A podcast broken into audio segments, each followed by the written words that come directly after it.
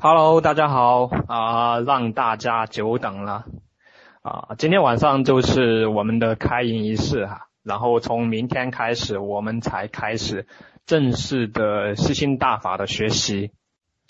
呃，然后刚刚微笑发了一个我的自我介绍的一个模板。啊、然后我还是简单的做一个自我介绍吧，就是呃，我是兰陵王，然后是思维有了模型。和校园干货日记啊，在两个公众号的作者，就是你们平时看到的文章呢，啊、基本上都是我写的啊，前面前面有其他的一个团队成员写的，但是后来啊，他们都因为其他的事情，然后退出了团队，所以近期的文章啊，全部你们看到的兰陵王的这个作者，都是我在写这个文章。呃，然后呢，这一个月就是由我来带着大家一起实操，呃，知识树这个学习方法，当然还有一整套的一个东西，包括二元学习法啊、费曼学习法、第一性原理等等的一个呃整套的学习方法。呃，目前整个社群是我跟微笑两个人在管理。啊，微笑呢是我在大学里面最好的一朋友啊，这个公众号呢也是我们在大二的时候，然后啊建立的。啊，然后我们现在呢就进入主题啊，聊一聊我的一个学习史，就是前两天我记得有小伙伴在问啊，希望梳理一下我的整个的成长路径。啊，我想了一下，好像成长路径其实蛮复杂的。因为每一本书，然后每一个微小的感悟或者改变，它都可能塑造一个完全不同的我。但是我仔细想了一想啊，就是啊、其实学习方法的成长轨迹是有迹可循的啊。如果作为开营仪式拿出来分享的话，也许会对大家有很多帮助啊，或者是启发。嗯，我总结了一下我的学习史，呃，大概是这么几个阶段啊。第一个阶段就是纯粹努力的阶段，嗯，从小学到初中啊，我靠着努力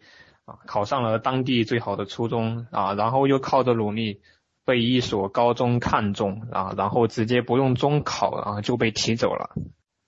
嗯，努力让我尝到了甜头，就是。他让我超过了大部分的同学，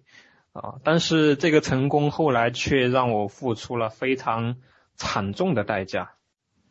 但是我当时并不以为是学习方法出了问题，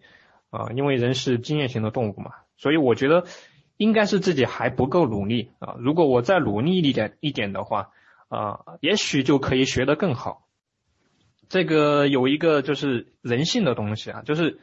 我们人呢是经验型的动物，就是前面九年的时间，我靠着努力成功了啊，所以我非常固执的认为，只要努力就一定可以成功啊，如果没有努力的话，那一定是还不够努力。结果可想而知啊，上了高中之后呢，嗯，不管怎么努力，好像成绩总是在班级就是垫底的那个位置，大概是班级后面十名的样子啊。啊，因为我后来总结一下，因为高中它的知识结构变得啊比以前小学和初中复杂了非常非常多啊，然后知识的难度也加深了很多，所以后来我不但没有去在学习方法上面去优化啊，反而是就是南辕北辙的感觉，然后我变得非常非常努力啊，基本上是我们那个年级每天第一个起床到教室。啊，然后最后一个离开教室的人，但是我其实忽略了一点非常重要的一点，就是无论你再怎么努力压榨自己啊，其实每个人的一天只有二十四个小时，除去吃饭睡觉，好像也就十几个小时可以学习，所以你不论再怎么努力，它是有一个极限在那个地方的，到那个极限之后，你努力都是没有用的。啊，所以学习的效率才是提升成绩的一个关键。但是我当时并不懂这个道理啊，所以自然而然的呢，高考的时候就考砸了，然后呃，高考成绩出来之后，比一本线低了七分啊，只能去到一所二本大学。这是我的第一个学习的阶段，就是纯粹努力的阶段。这个阶段就让我曾经获得成功，但是后面又给了我致命的一击。然后就是第二个阶段，第二个阶段就是我在复读的时候啊，当时慢慢开始意识到“努力不等于成功”这句话啊。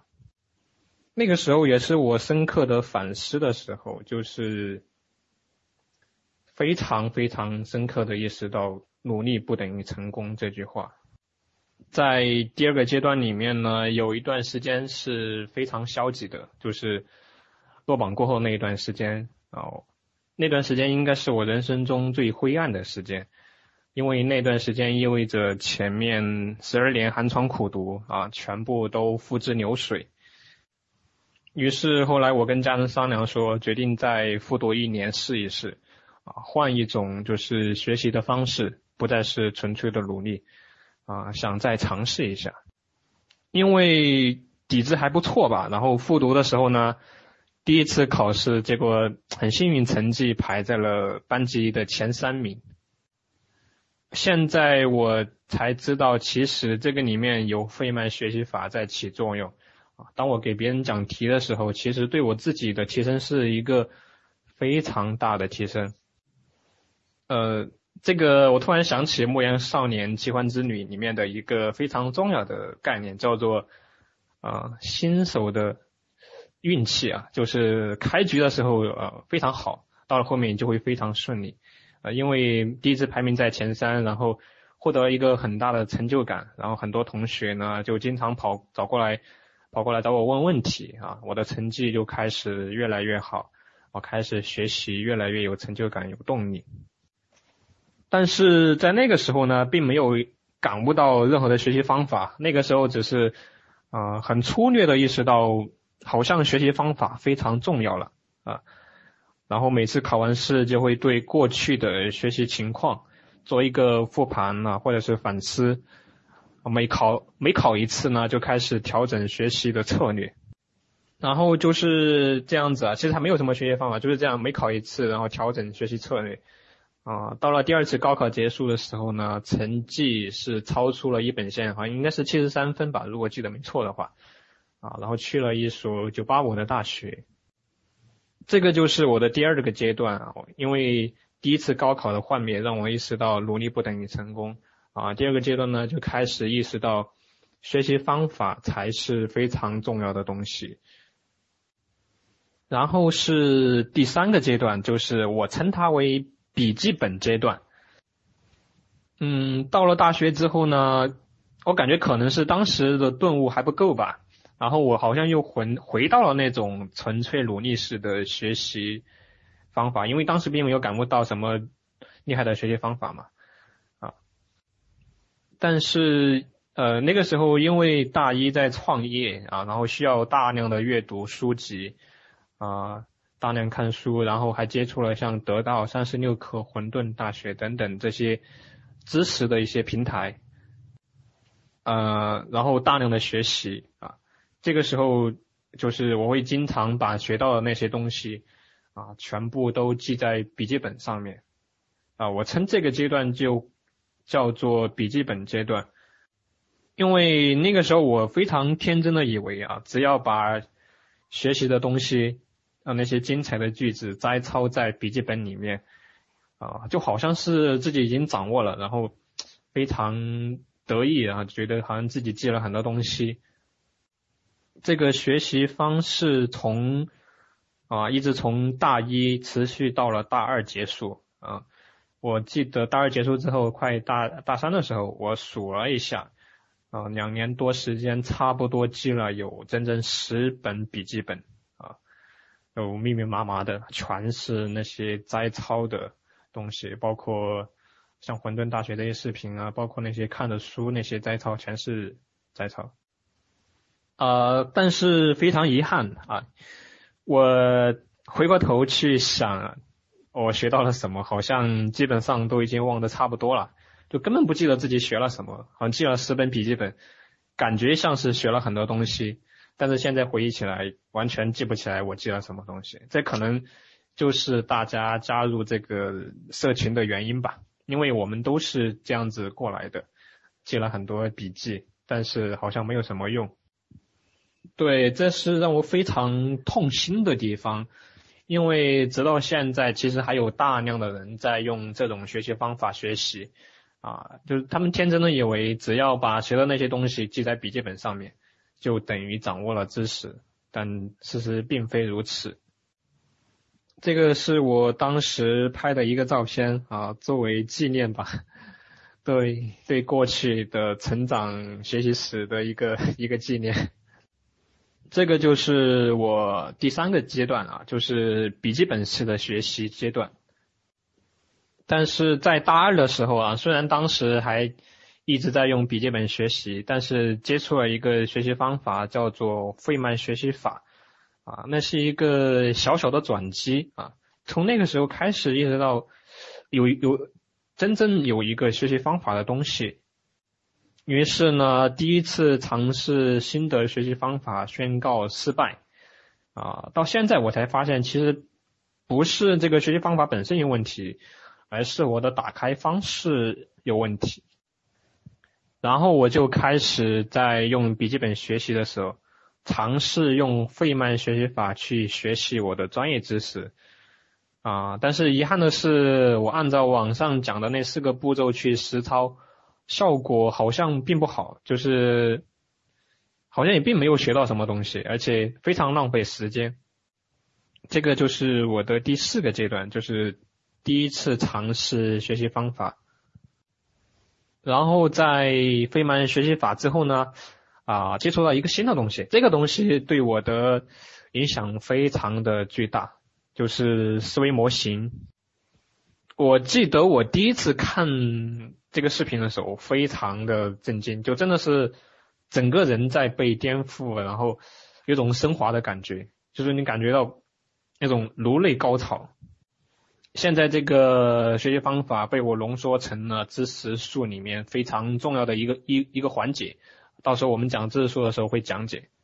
这个工具就是思维导图啊。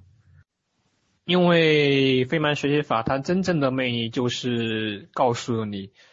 啊，有这么一个东西，就是当你把一个东西讲给别人听的时候，那个时候你的学习的效果会非常的高，啊，所以你要经常把你学会的东西讲给别人听，然后要要去写作，甚至是开课程，这样一通操作下来呢，学习效率好像确实提升了不少，因为。感觉记忆成本是大幅降低了。啊，嗯，前两天我分享在群里面的那个链接，呃，不是不是链接，就是那个那个百度云盘的那个群啊，我在里面发了一个文件，就是李善友教授的认知第一性原理。啊，那个里面就是讲思维模型和第一性原理，呃，李善友教授他在那个课程里面说啊，就是。成年人学习的目的应该是追求更好的思维模型，而不是更多的知识。啊，如果你在一个落后的思维模型里面，即使增加再多的信息量，也只是低水平的一个重复。这句话给我非常大的一个触动，所以后来我在文章的下面放了一句话，就是，啊，大概是说成年人是应该学习。呃，好的思维模型，而不是更多的知识。啊，因为我确实越来越感觉到，现在这个时代信息爆炸，然后好多的知识，好多书一直在出来，根本看不过来，所以知识你是学不完的。啊，然后而且知识很多都是重复的，然后细碎的，所以你应该学习的是更好的思维模型，而不是更多的知识。然后看完李教授的课之后呢，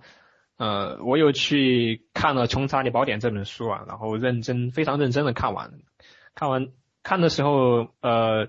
查理芒格也说了一句非常触动我的话，大概意思是说，啊，我们需要掌握重要学科的重要理论啊，这个重要学科的重要理论就是我们说的思维模型啊，大概有查理芒格总结了下，大概有一百个。啊，如果一个人能够啊具备这一百个思维模型，你就能够具备看清事物本质的非凡的洞察力。这个东西，然后给了我非常大的一个触动啊！当时就觉得说啊，太好了，就是就是感觉整个学习的方法得到一个质的提升。但是它是一个理论层面的东西，就是非常抽象。我在我就开始思考啊，怎么把这个东西用于实践呢？后来我想到一个方法，就是在读书的时候，因为我我一般是用电子读书啊，因为电子读书它有一个很方便的地方，就是啊，你可以划线，然后添加你的那个标注啊。我当时就是在读书的时候，会把那些非常精彩的理论或者是一些句子，把它总结为一个思维模型，这就是啊，我就是第一次的学习方法的一个。一个质的提升，这样子操作下来呢，确实有很大的一个效果啊！一本书看下来之后，我不用去记那些庞杂的知识体系了啊，我只要记几个最重要的思维模型就可以了。就以前一本书看完之后，我会记大量的笔记，然后再抄到那个笔记本里面。然后现在呢，就是我不用记那么多的笔记了，只要记几个思维模型就可以。思维模型之后呢，还有一个东西，呃，也挺重要的啊，呃，说重要也不那么重要，但说不重要呢，其实也很重要，因为它对我的启发是很重要的。但是这个工具它本身来说是一个，呃，就是它是一个有局限的工具吧。接触了思维导图之后呢，因为我开始彻底的摆脱了那种笔记本式学习。从那之后，我基本上很少在笔记本上去记一些东西了。基本上学一个东西，我都是呃把那些关键词，然后呃用思维导图梳理出来。这个提一个东西，就是嗯我在看《少有人走的路》里面，他讲了一句话，就是你要承认事实，就是一个人成熟的第一步就是你要承认事实。那个事实就是。我记了十个笔记本，但是也没什么卵用，所以证明那个学习方法是有问题的。我必须承认这个事实，所以我就完全丢掉笔记本，然后用思维导图去学习。其实这个过程是蛮疯狂的，因为你要摆脱以往所有的学习方式，去选一个全新的方法去学习，是一个非常需要勇敢的事情。于是从那之后呢，我就开始用思维导图，然后代替笔记本啊来学习。看完一本书之后呢，就用思维导图，然后把一本书中的关键知识点然后梳理出来啊。学网课的时候也是，就是用思维导图记下那些关键词就可以，就不用记那些啊金句啊那些东西，不用就浓缩成一个思维模型或者是那些关键词。这样子大概学了有大半年吧，然后画了有几百张思维导图，呃，其实还别说啊，就是厚厚的呃厚厚的那么一沓那个 A4 纸，就是很有成就感。就每一次我一看到那些 A4 纸，就是非常高，然后看着非常有成就感。但是成就感又会非常的限制我们，就像我。之前写的那十本笔记本一样，看着很有成就感，但是没什么卵用。这个思维导图也是，嗯，画了很多张思维导图，但是没什么卵用。啊，因为我试着去回忆我到底学到什么的时候，我好像又懵了，就是根本说不出来好像学到了什么东西。就好像虽然是学完之后比笔记本要好一点，但是还是没有摆脱那个学习的困境。然后我就。就彻底懵了，就然后就开始反思到底是什么地方出了问题，为什么记了那么多笔记，然后画了那么多思维导图，结果一点效果都没有，就是学了很多知识，基本上百分之九十以上都忘记了。嗯，现在其实我知道那个呃认知天性里面有讲到这个东西，就是我们很多时候在学一个东西的时候是短期记忆。就是你当时学完的时候，你觉得很很有成就感，很有收获，好像学到很多，但是它会非常快的就被忘记，因为那是短期记忆，你必须要形成长期记忆，才可以你在以后任何时候想到才知道学了什么东西。但是当时还不知道啊，当时我在有一天我在路上啊听吴伯凡认知方法论的时候啊，吴伯凡他讲到一个东西啊，一句话就是，嗯，有的人他是在固守存量，然后没有增量。吴伯凡这句话本身他是在批评那些固守存量的人，他说啊我们要有增量，但是这句话确实我豁然开朗，就是我们很多人别说增量，就是连存量都没有。就是我们每一次学习好像都是从零开始，因为我们学的知识都是短期记忆啊。当你第二次学习的时候，那个短期记忆就没了，然后你又每一次都是从零开始学习，就像我们往一个粮仓里面啊倒粮食啊，结果这个粮仓没有底，每次倒进去呢全部漏走了啊，这个就是我们以往的一个学习的状态。所以怎么办呢？我们就需要给这个粮仓。建一个非常坚固的一个底，然后这样你倒进去的粮食才会越积越多。也就是说，我们必须要有一个存量，才可以做增量。啊，我当时把这个就是这个洞见或者是学习方法命名为存量思维。学习它也是一样的原理，就是我们需要给这个知识去兜底，这个底就是存量思维的知识体系。有了这个底呢。以后我们每一次学习就能在已有的知识体系上去做增量。这个存量思维当时具体是怎么操作的呢？这个就是其实是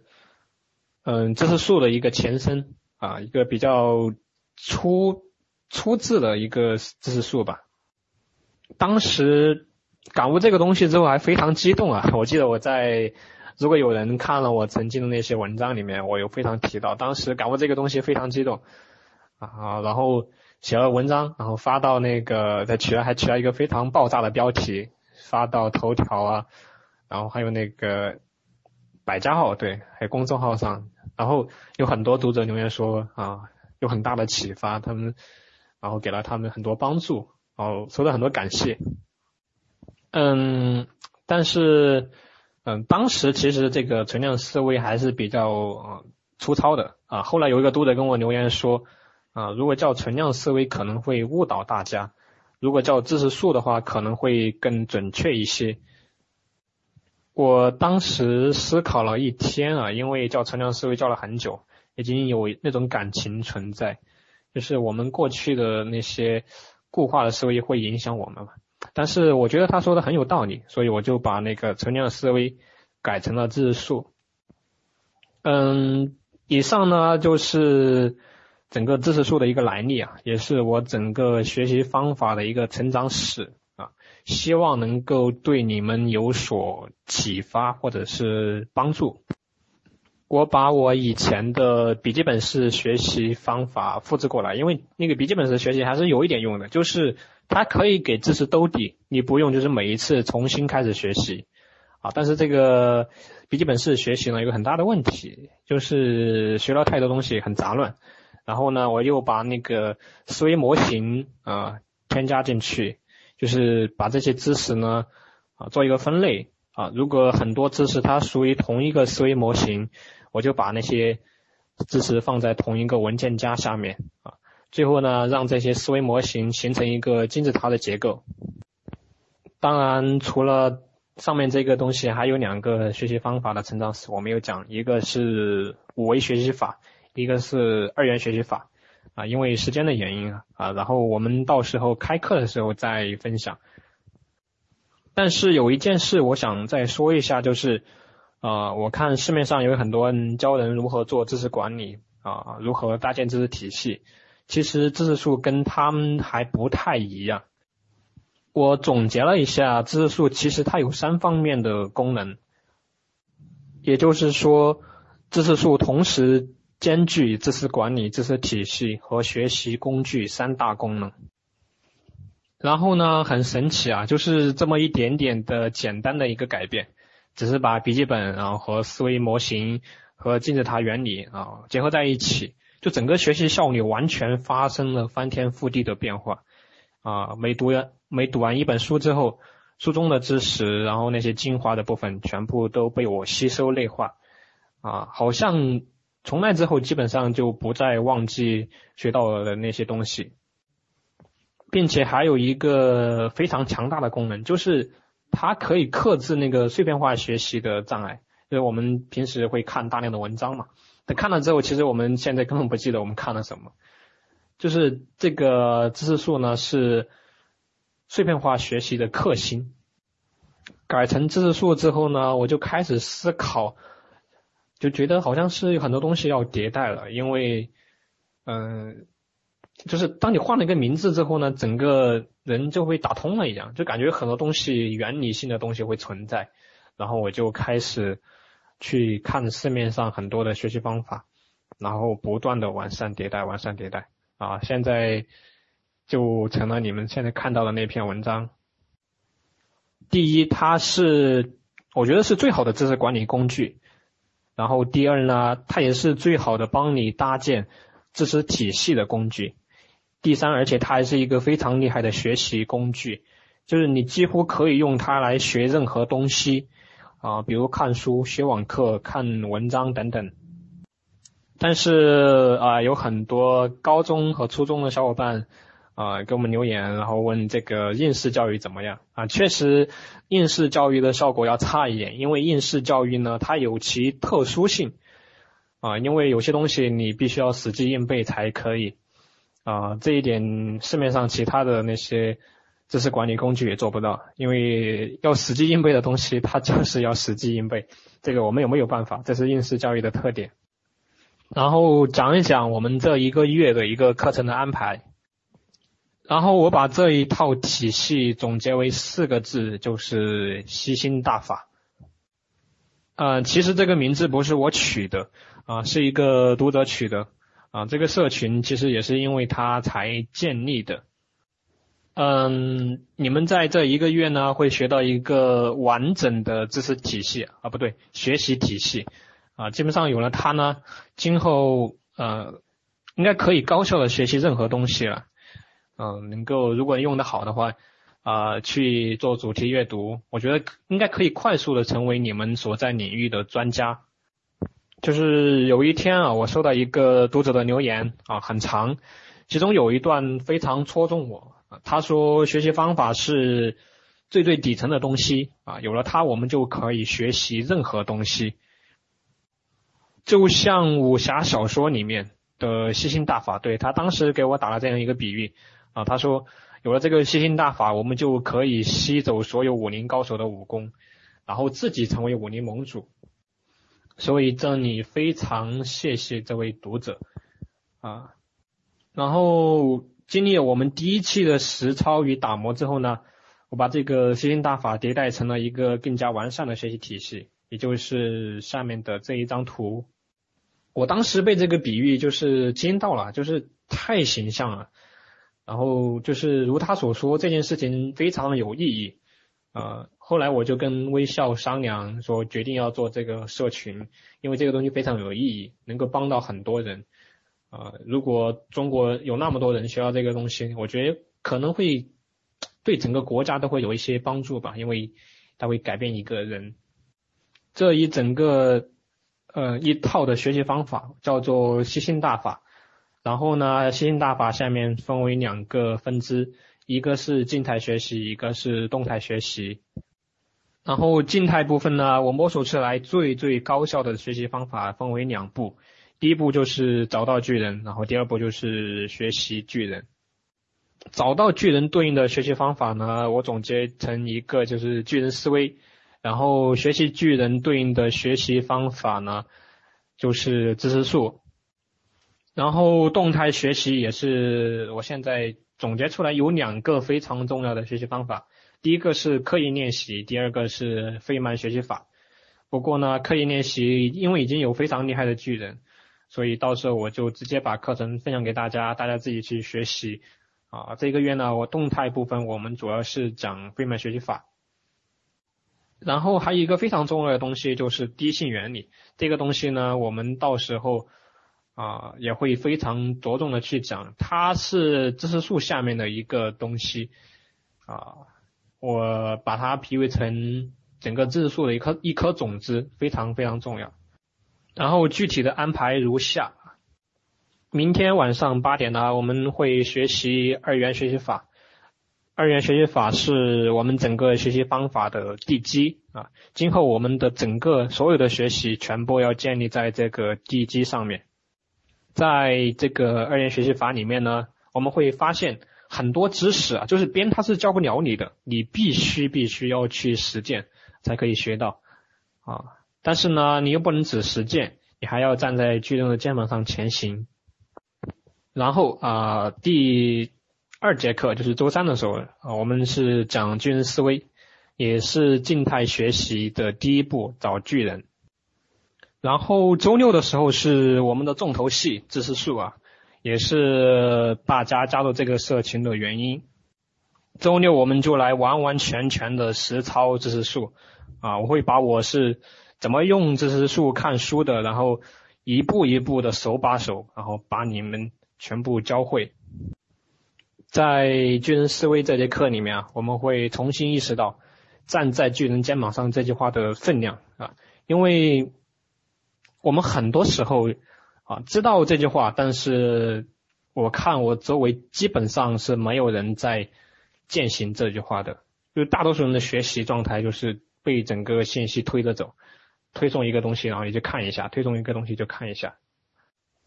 同时呢，我们还会分享一下。呃，我个人的一个找巨人的方法啊，然后我们会一一起来找整个情感领域的巨人。对，你们有有你们有很多人就是啊在说要推荐书单，然后啊什么巨人之类的东西，但其实最好的方法是我们这么多优秀的人一起来寻找巨人，这个是最全面的。同时呢，我还会分享我个人的啊知识树的框架以及爱情领域的知识树。就是让你们看到一个完整的知识树长成什么样子啊！有很多人来这个社群的目的，可能也是就是想看一下我的知识树长什么样子啊。到时候我们都会分享给大家，然后我们会留出充足的时间哈，让大家用知识树去看书，或者呢，如果你不看那本书，你也可以学习别的东西啊。然后我们会随时给大家答疑，然后下面两周也是知识树啊。我会教大家如何修剪知识树，因为修剪知识树其实也是一个大的工程，非常大的工程，所以我们会分成两节课来讲。啊，我记得上面第一期的时候，有学员做了一个非常形象的比喻，他说，啊，此后漫漫人生中，我的职业有两个，一个是种知识树，另外一个是修剪知识树。可能有的人会疑惑，就是怎么？一节知识树这个学习方法要花这么长的时间来学习，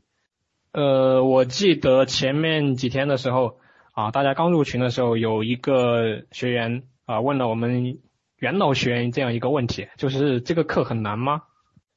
然后发哥的回答我非常喜欢啊，就是听懂简单，但是用好很难。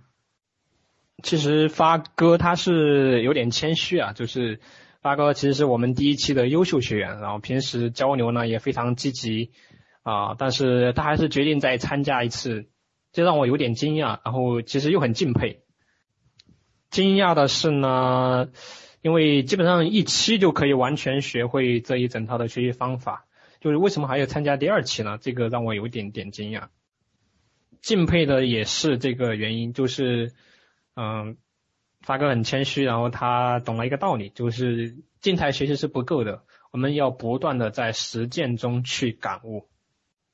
所以我们留了足足大概二十天的时间供大家实操知识树，比如欧几里得、还有埃隆·马斯克、刘慈欣这些人，他们都是运用地心原理的高手。到时候我们也会讲这个东西。然后最后一堂课是讲费曼学习法。这个也是动态学习里面非常有效的一个学习方法。在这节课里面呢，我们会告诉大家传统学费曼学习法的一个误区啊，因为曾经我们接触的费曼学习法其实都是错误的啊，以及真正的学习方法到底费曼学习法到底是什么东西，它的本质是什么。所以我非常希望大家也能够保持谦卑。就是听懂这个东西是很简单的，但是如果你要用好呢，其实是非常困难的。所以你必须要实操足够久，就至少我觉得有个标准吧，就是你们要用知识树把《如何让你爱的人爱上你》这本书看完啊。我觉得这样子可能才会彻底的掌握这个东西。同时实操的这一段期间呢，我们会在群里面给大家答疑啊，然后我还会请群里面的大佬来做分享。啊，从第一期的情况来看呢，大家非常喜欢这两次分享，因为非常有价值。我个人也是啊，特别是妹姐的那个理财的一个分享，启发很大。这个就是我们这一个月的一个课表啊，但是到时候具体我们还会有讨论啊，然后有作业啊，到时候我们。会每一节课上完之后啊，在知乎给大家找问题，然后让大家去完成作业。嗯，然后根据第一期的学习情况或者学习学习效率来看呢，啊，我对大家有两点的期待啊，或者是建议吧。然后最后一周我们会讲两个东西，第一个是地性原理啊，这个地性原理呢也是一堂非常非常重要的课。它是我们整个知识树的种子，就如果你掌握了这颗种子呢，整个知识树你都可以通过它推理出来。然后在第一性原理里面，我们会讲到第一性原理的两个运用啊，具体是哪个两个运用，到时我们再详细的讲。然后如果你将来在人生中用好了这个东西，就是你有可能会成为一个伟大的人，或者是做出一些伟大的事情。第一点就是交流，其实它也是动态学习的一种交流，它能够帮助你更好的吸收内化这一个月学到的知识。嗯，从结营的时候啊，大家的一个反馈来看，就是这一个月里面那些交流最活跃的啊，基本上也是学习效果最好的，收获也是最大的。然后我会分享我个人的一个写作的秘籍啊，这个写作秘籍。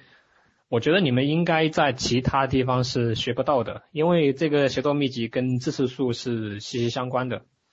他必须懂了知识树，然后才会可能用这种方式去学习。就啊，不对不对，去写作。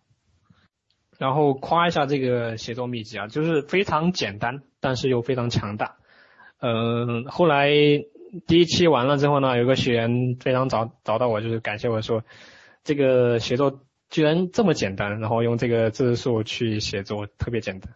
然后他给我发了一篇他写的文章，我觉得写的非常好，所以我希望大家在这一个月里面啊，一定要多多在群里面交流和分享，一定要在群里面多多交流和分享，一定要在群里面多多交流和分享。我说三遍啊，希望大家真的就是去交流和分享，真的这个东西。这一个月下来之后，真的你们会感觉整个的成长或者是收获会非常大。然后第二个建议呢，就是至少要用知识树看完一本书吧，这样它是一个完整的体系，你才会感受到这个学习方法的魅力。因为这个知识树其实听懂很很简单啊，但是你要用好是非常难的。所以在这一个月里面，我给大家做一个要求，就是至少要把《如何让你爱的人爱上你》这一本书看完啊。然后，嗯，我算了一下，如果每天看百分之二十的话，啊，基本上平均每天至少要看百分之五的内容吧，也不是非常大，大概半个小时就可以。当你们在用知识树去看这一本书的时候，你们会发现自己其实还有很多的问题，那些细微的问题啊，到时候你们会在群里面提出来，然后我们一起来解决这个问题啊。做好上面这两点呢，基本上这一个月下来，你的收获就会非常大了。当然还有一个就是我们的作业啊，这个也是需要大家就是尽量去完成的。然后最后就是希望大家都能够获得自己想要的东西。满载而归吧。接下来是我们开营仪式的最后一步啊，就是其实也是我觉得是最最重要的一步，就是大家的一个自我介绍。然后其实群群里面有很多都是领域的大佬啊，我们都是因为同频而汇聚在一起。所以在此之前呢，我们需要彼此认识，然后互相介绍啊，你需要让更多的人认识你，然后同时也把自己推销出去。在这一个月里面呢，除了上课啊，还有一件非常的难忘的事情，就是有这么多同频的人在一起交流啊，这个是一个非常难得的事情。如果你们去回忆的话，啊，因为我们是因为学习方法而汇聚在一起，你们有很多共同的一个特征。对，很多书的目录其实就是框架啊，或者是里面有思维模型。啊，但是你们会看到很多作者他都没有那种系统思维，所以他的目录都是很乱的。比如说如何让你爱的人爱上你这本书，大家到时候去实操的时候，你会发现那个目录根本无法用，需要你自己去总结。呃，之前我们第一期的学员说了一句话，就是打乱重组，这个形容非常贴切。在看书的时候要打乱重组，就是按照你自己的需求来去总结。思维模型框架，然后填充具体的知识。